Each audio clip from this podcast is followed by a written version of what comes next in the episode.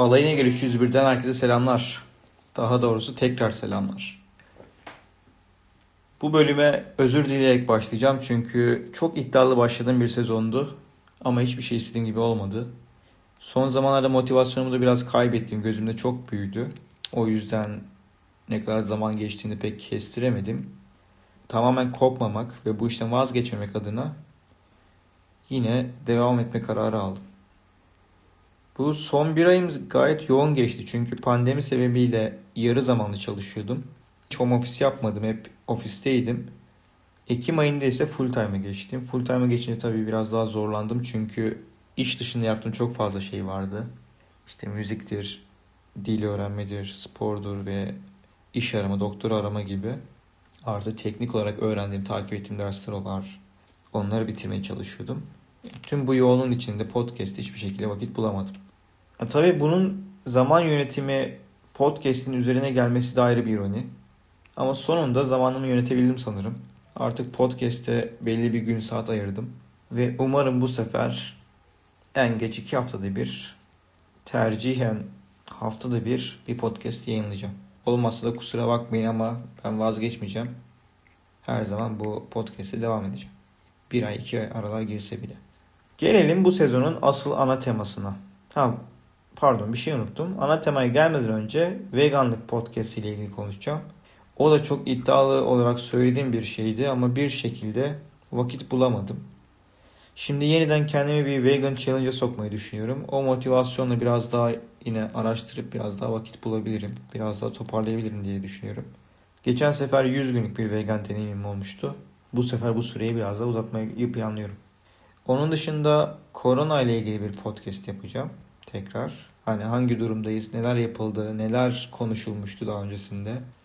Dünya ne durumda? Şimdi en son aşı haberleri var. Bunların durumu nedir? Gibi şeyler tartışacağız. O da içerik hemen hemen hazır. Bir sonraki podcast muhtemelen korona ile alakalı olacak. Ama bugün ise asıl konumuz psikolojiye girişe başlayacağım. Bu zaten hazır içerik olduğu için pek fazla yormuyor. Sadece kaydetmem ve konuşmam gerekiyor. Önce psikoloji nedir diye başlayalım. Psikoloji çok kısaca davranış ve zihin bilimi diyebiliriz. Yani gün içinde yaptığımız hareketlerin, iletişimimizin, verdiğimiz tepkilerin bilimi. Bu ne demek? Bu şu demek. Beynimiz nasıl hareket ediyor ve beynimiz hayatımızı nasıl etkiliyor? Bunun örneğini günümüzde birçok alanda görebiliyoruz. Örneğin internetteki marketinglerde, bu reklam olaylarında, dizilerde mesela Netflix'te ciddi bir liberal politika uygulanıyor. Ve bunun ister istemez insanları etkiliyor. Bunlar tabii ki tesadüf değil. Belli kriterlerden geçip belli planların sonucunda yapılan şeyler. Bu tabii beynimizi etkilemeye çalışıyorlar, bizi kontrol ediyorlar anlamında bir şey değil. Daha çok psikolojik yöntemler kullanarak ikna etme metodu diyebiliriz. Ya da manipülasyon metodu diyebiliriz. Doğal olarak televizyon, sosyal medya, iş yeri, politika bunu her alanda görüyoruz. Peki psikoloji amacı ne? Psikoloji amacı ise şu. Bir tarif etmek. Neyi tarif etmek? Bir davranışı. Yani bir davranışı kısa detaylarla tanımlamak. Daha sonra bu davranışı açıklamak. Gözlemlenen davranışın ardında neler var, neler olabilir bunları açıklığa kavuşturmak. Üçüncü amaç tahmin. Şimdi tanımladık, açıkladık. Bu sefer de diyoruz ki ilerleyen aşamada neler olabilir? Yani önceki tanım ve açıklamamıza göre bir öngörüde bulunuyoruz. Dördüncü amaç ise kontrol. Yani tahminlerimizi yaptık, her türlü parametreyi ortaya koyduk. Nasıl bunun kötüye gitmesini engelleyebiliriz? Ya da nasıl bunu kontrol altına alabiliriz? İlla kötü olması gerekmiyor. İyi, iyi de olabilir. Ama nasıl kontrol altına alabiliriz?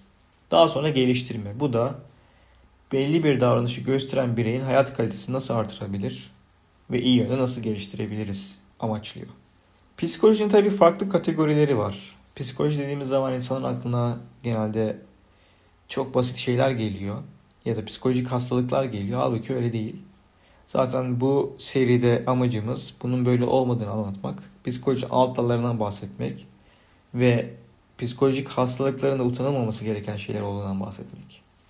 Kategorilere gelirsek ilk kategorimiz diferansiyel psikoloji. Diferansiyel psikoloji insanlar arasındaki farkları, bu farkların nedenlerini, çevresel etkileri, kalıtımsal nedenleri, zeka seviyeleri arasındaki farkları inceleyen bilim dalı diyebiliriz. Arasındaki farkları inceleyen psikoloji dalı.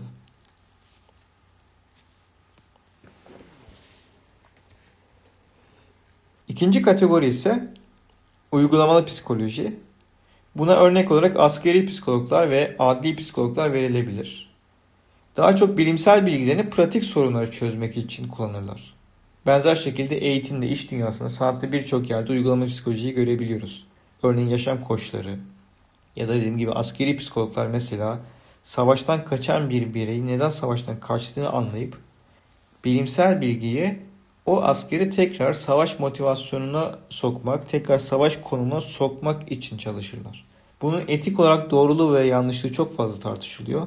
Çünkü savaştan kaçmak aslında doğru, mantıklı bir davranış. Ama uygulamalı psikoloji olduğu için tamamen amaca yönelik pratik bir çözüm üretiliyor. Diğer bir örnekte derslerine kötü bir öğrencinin neden kötü olduğunu görüp ilgi alanlarını keşfetmek, nerelerde iyi olabileceğini görmek ve buna yönelik de bu öğrencinin hayatını değiştirmek, geliştirmek. Bu da uygulamalı psikolojinin bir konusu. Diğer kategori genel psikoloji. Genel psikoloji ise psikoloji sadece farklılıkları değil benzerlikleri, ortak davranışları da inceliyor aslında. Genel psikoloji doğal olarak çevreyi nasıl algıladığımız, gözlemlediğimiz, nasıl öğrendiğimiz, hatırladığımız, hayaller kurduğumuz, nasıl düşündüğümüz üzerine çalışıyor. Bunun da sosyolojiyle bunun da sosyolojiyle arasında çok ince bir çizgi var. Çünkü tüm bunları düşündüğümüz zaman genelleme yapmak mümkün. Ama genel psikolojinin ama genel psikolojinin amacı daha çok bireyi ele almak bu konuda. Tüm toplumu ele almak değil. Tüm toplumu ele almak değil. Psikoloji araştırmaları hangi duygulara sahibiz, hangi dürtüler, hangi doğal reflekslere sahibiz üzerine duruyor. Ve bunun nedenlerini araştırıyor. Örneğin büyünülen koşullar davranışlarımızı, reflekslerimizi ne kadar etkiliyor?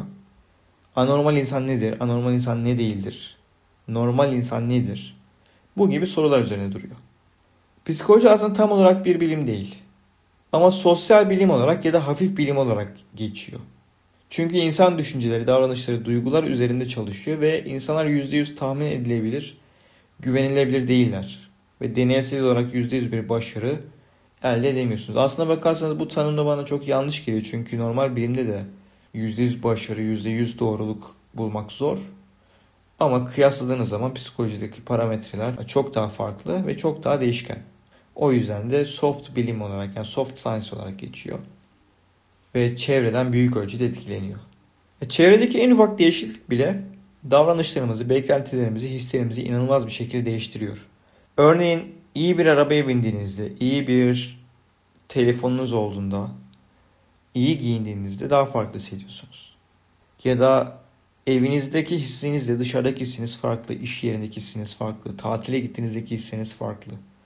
Tatile gittiğinizde her şehirde aynı şekilde hissetmiyorsunuz. Her yerde aynı şekilde hissetmiyorsunuz. Yani çevresel faktörlerin hepsi bizi fazlasıyla etkiliyor.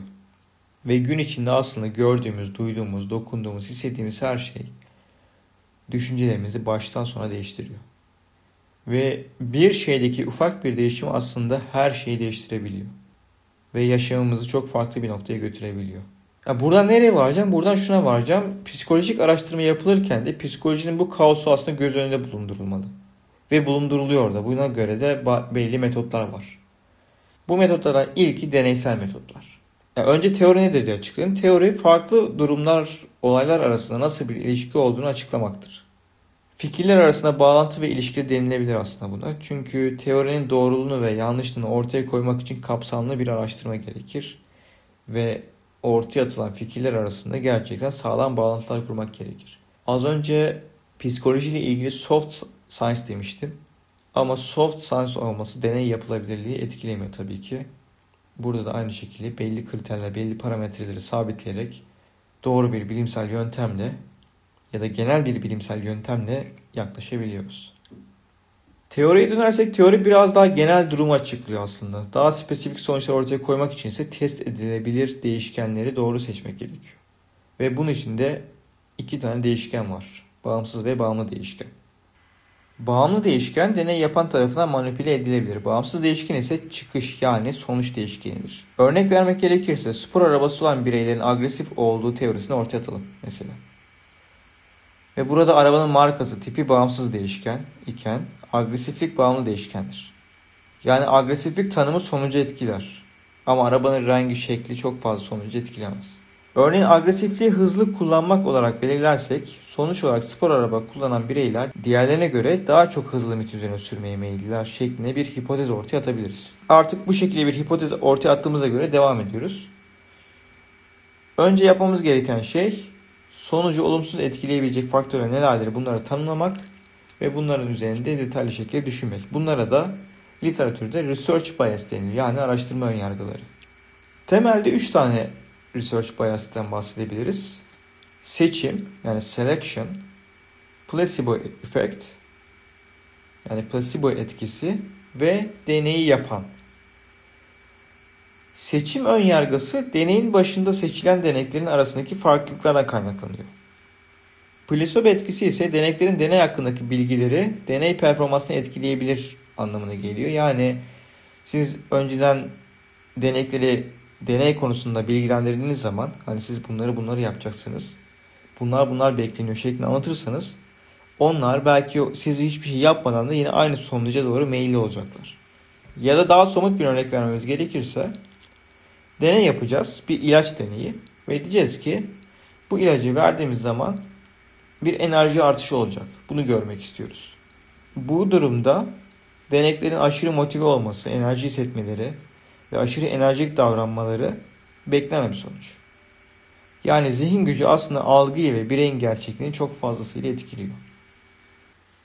Üçüncü ön yargı ise deney yapan ön yargıları. Yani deneyi ortaya atan kişi plasebo etkisinde olduğu gibi kendi deneyini, kendi hipotezine çok fazla güveniyor ve buna çok fazla inanıyor. Bu da görüsünü daraltıyor. Ve deney sonuçlarının gerçekte olmadığı şekilde etkiliyor. İşte bunu ister istemez manipüle ediyor olabilir. Ya da çok fazla inandığı için aslında görmesi gereken parametreleri atlıyor olabilir. Peki ön yargılar nasıl kontrol edilmeli? Önce ön yargısal etkiler dikkatlice belirlenmeli ve kontrol altına alınmalı. Şimdi 3 tane ön yargı belirlemiştik. Bu üç ön yargıdan başlayalım. Seçim ön yargısı ile ilgili. Seçim ön yargısını ortadan kaldırmak için denekleri insan kararıyla değil rastgele seçmeliyiz. Eğer rastgele seçersek böylece deneyimize uygun adaylar seçmek yerine rastgele adaylar üzerinden deneyi daha, deneyden daha doğru sonuçlar alabiliriz. Plasebo etkisini ortadan kaldırmak için ise denekleri az bilgilendirmeliyiz. Denekler deneyle ilgili çok fazla bilgi sahibi olursa çünkü role bürünme ihtimalleri artıyor. Ve kendi ön yargımız, deney yapan olarak ön yargımızın üstesine nasıl gelebiliriz? Bunun için de deney koşullarını iyice belirledikten sonra deneyi başkasına yaptırabiliriz. Ve deney yapacak insanın deney hakkında çok fazla bilgisi olmaması gerekiyor.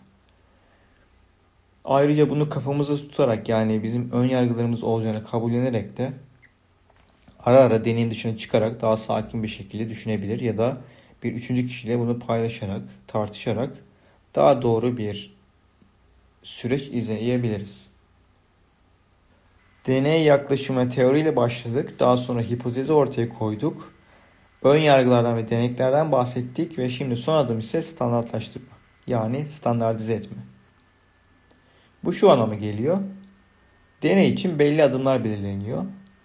Böylece tüm deneklere aynı talimatlar veriliyor.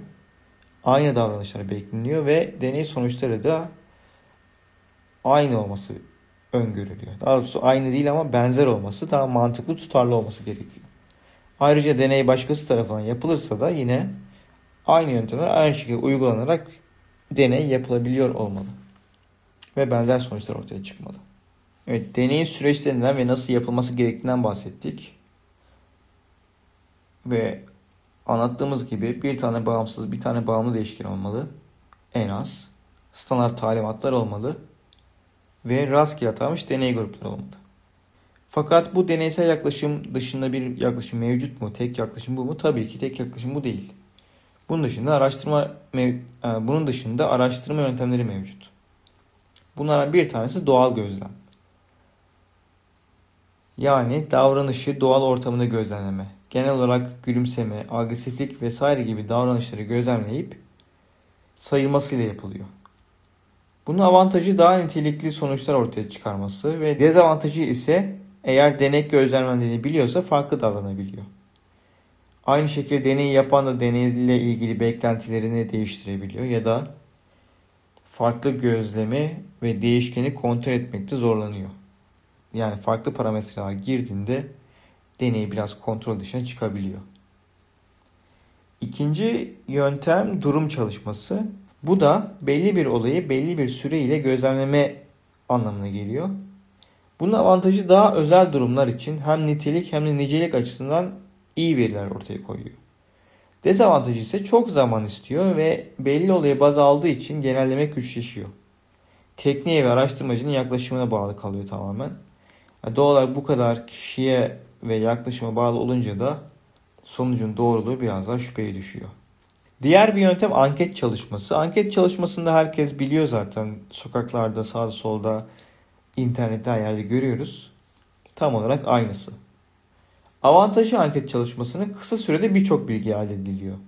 Örneğin sokağa çıktığınızda bir anda onlarca yüzlerce kişiyle bu anketi yapabiliyorsunuz. Normalde evde otururken bunu yapma şansınız ya da bir, ya da bir deney ortamında bunu yapma şansınız yok. Özellikle internet aracılığıyla zaten artık veri elde etmek daha da kolaylaştı. Daha çok veri elde edilebiliyor. Bu açıdan anket çalışması gerçekten avantajlı. Ama dezavantajı ise cevaplar doğru olmayabiliyor. Yani çoğumuz yine aynı şekilde internette rastgele cevaplar verip ya da tamamen ters cevaplar verdiğimiz olmuştur. Bu da ortaya bir plasebo etkisi, yanlış anlama ya da deneyin yanlış şekilde yorumlanmasına sebep olabiliyor. Doğal olarak anket çalışması ortaya iyi veri koysa da her zaman güvenilir değil. Bir diğer yöntem korelasyon araştırması. Korelasyon da ilginç bir şekilde çoğu insanın bilmediği bir konu. Bu çoğu insan derken bunu yargılamak amaçlı söylemiyorum. Bu gazetelerde, haberlerde hatta çoğu bilim insanında bile yanlış bir şekilde ifade ediliyor. Orantı yani doğru orantı ile korelasyon aynı şey demek değil. Ya da bir şeyin olması ya da bir korelasyon olması direkt sonucun olduğu anlamına gelmiyor. Korelasyon iki durum arasındaki ilişki inceliyor ve bu ilişkinin ne kadar güçlü olduğunu araştırıyor. Avantajı kolay anlaşılabilir ve açıklanabilir olması. Her ne kadar insanlar bunu ısrarla anlamasa da. Dezavantajı ise sebep sonuç ilişkisi ortaya koymaması. Ve üçüncü bir değişken ortaya girdiği zaman sonuç etkilenebiliyor. Bu konuda biraz nedense agresifleştim çünkü insanlar şunu diyor. Atıyorum bu ilacı alırsan koronavirüsünü yeniyorsun. Neden? Çünkü bir kişi öyle olmuş. İlgisi olabilir bunun mesela. Gerçekten o ilacı alan bir insan iyi yönde etkilenmiş olabilir. Ama bu o ilacı alan iyileşiyor anlamına gelmiyor. Ve genelde bu hep yanlış yorumlandığı için televizyonlarda, dost sohbetlerinde, şirketlerde, işlerde, bilim dünyasında her yerde yanlış sonuçlara, yanlış yorumlara sebep olabiliyor. Ya bunun bir örneği Darwinizm. Evrim teorisi biraz kabul edilmeye başladıktan sonra İngiltere'de kafatası araştırmaları başlıyor. Daha Avrupa'da başlıyor. Zaten Türkiye'deki kafatası araştırmanın sebebi de bu. Biz sizden farklı değiliz. Biz de Avrupalıyız izlenimi ortaya koymak. Onların kafatası araştırmasının sebebi ise kendilerini üstün görmek. Sadece diğer ülkelere karşı değil, kendi işlerinde de örneğin İngiltere'de fakirlerin ya da işçi sınıfının yönetime gelmemesi gerektiğini çünkü bunların aynı kökenden gelmediğini ortaya koymaya çalışıyorlar. Ve diyorlar ki eğer işçi sınıfı yönetime gelirse ülkenin IQ'su düşecek ve imparatorluk yok olacak. Bu tamamen korelasyonun ya da o sürecin yanlış yorumlanmasıyla alakalı. Aslında tam korelasyon örneği değil ama yanlış yorumlamaya bir örnek oldu. O yüzden korelasyonu anlamak önemli. Bir tanesi dağılım aynı şekilde. Ortalamayla dağılım aynı şey değil. Ortalama olarak bir insan günde 3 sigara iç zaman çoğumuzu kapsamıyor. Burada gerçekten dağılım önemli. Kim içiyor? Kaç yaş grubu içiyor? O yaş grubu ne kadar içiyor? Kadın mı içiyor? Erkek mi içiyor? Çocuk mu içiyor? Bunlar çok önemli ama genelde biraz işin manipülatif tarafı olduğu için ve insanları etkilemek amaç olduğu için genelde ortalama denilip geçiliyor. Bu konu bir de aklıma gelmişken bir kitap önermek istiyorum. Kitabın adı Factfulness. Türkçe'ye de çevrilmiş kitap. Kitapta tam olarak bunu anlatıyor basının hep olumsuz şeylere yönelttiğini insanlarda bir karamsarlık yarattığını ve bu şekilde toplumu manipüle ettiğini söylüyor. Tabii manipüle yine aynı şekilde kontrol ediyor ve her şeyi istedikleri gibi yönetiyorlar anlamına gelmiyor. Sadece korku yaratılıyor ve insanlar daha pesimist oluyorlar. Factfulness kitabında da bunu anlatıyor. Diyor ki aslında dünya iyiye gidiyor. Birçok şey çok daha iyiye gitmiş. Dünyada o kadar pesimist olmamız gerekmiyor. Atıyorum Suriye Savaşı'nda ölen insan sayısı birinci Körfez Savaşı'nda ölen insan sayısından daha az. Ama baktığınız zaman şu an Suriye'de herkes birbirini kesiyor. Herkes sürekli ölüyormuş gibi bir izlenim elde ediyoruz. Bunun gibi yönlendirmeler de genelde yanlış yorumlara sebep oluyor. Ve bu günlük yaşamımızdan politikaya kadar, verdiğimiz kararlara kadar, seçimlerimize kadar her şey etkiliyor. O yüzden korelasyon nedir? Doğru orantı nedir? Ortalama nedir? Dağılım nedir? İstatistik nedir? Bunları biraz öğrenmek, en azından basitçe bunların arasındaki farkları kavramak önemli. Konumuza dönersek de en son yöntem korelasyon araştırması demiştim. Daha sonraki son yöntemimiz ise psikolojik testler. Bunlar da bir grup ya da birey hakkında bilgi almak için test uygulama anlamına geliyor. Birçok test standart, güvenilir ve doğru sonuçlar veriyor. Buna örnek olarak yine çalışan değerlendirme testleri, örneğin şirketlerin yaptığı performans analiz testleri olabilir. Ya da bazı kişilik testleri olabilir. Genel yetenek testleri olabilir. Bunlar psikolojik testleri örnek.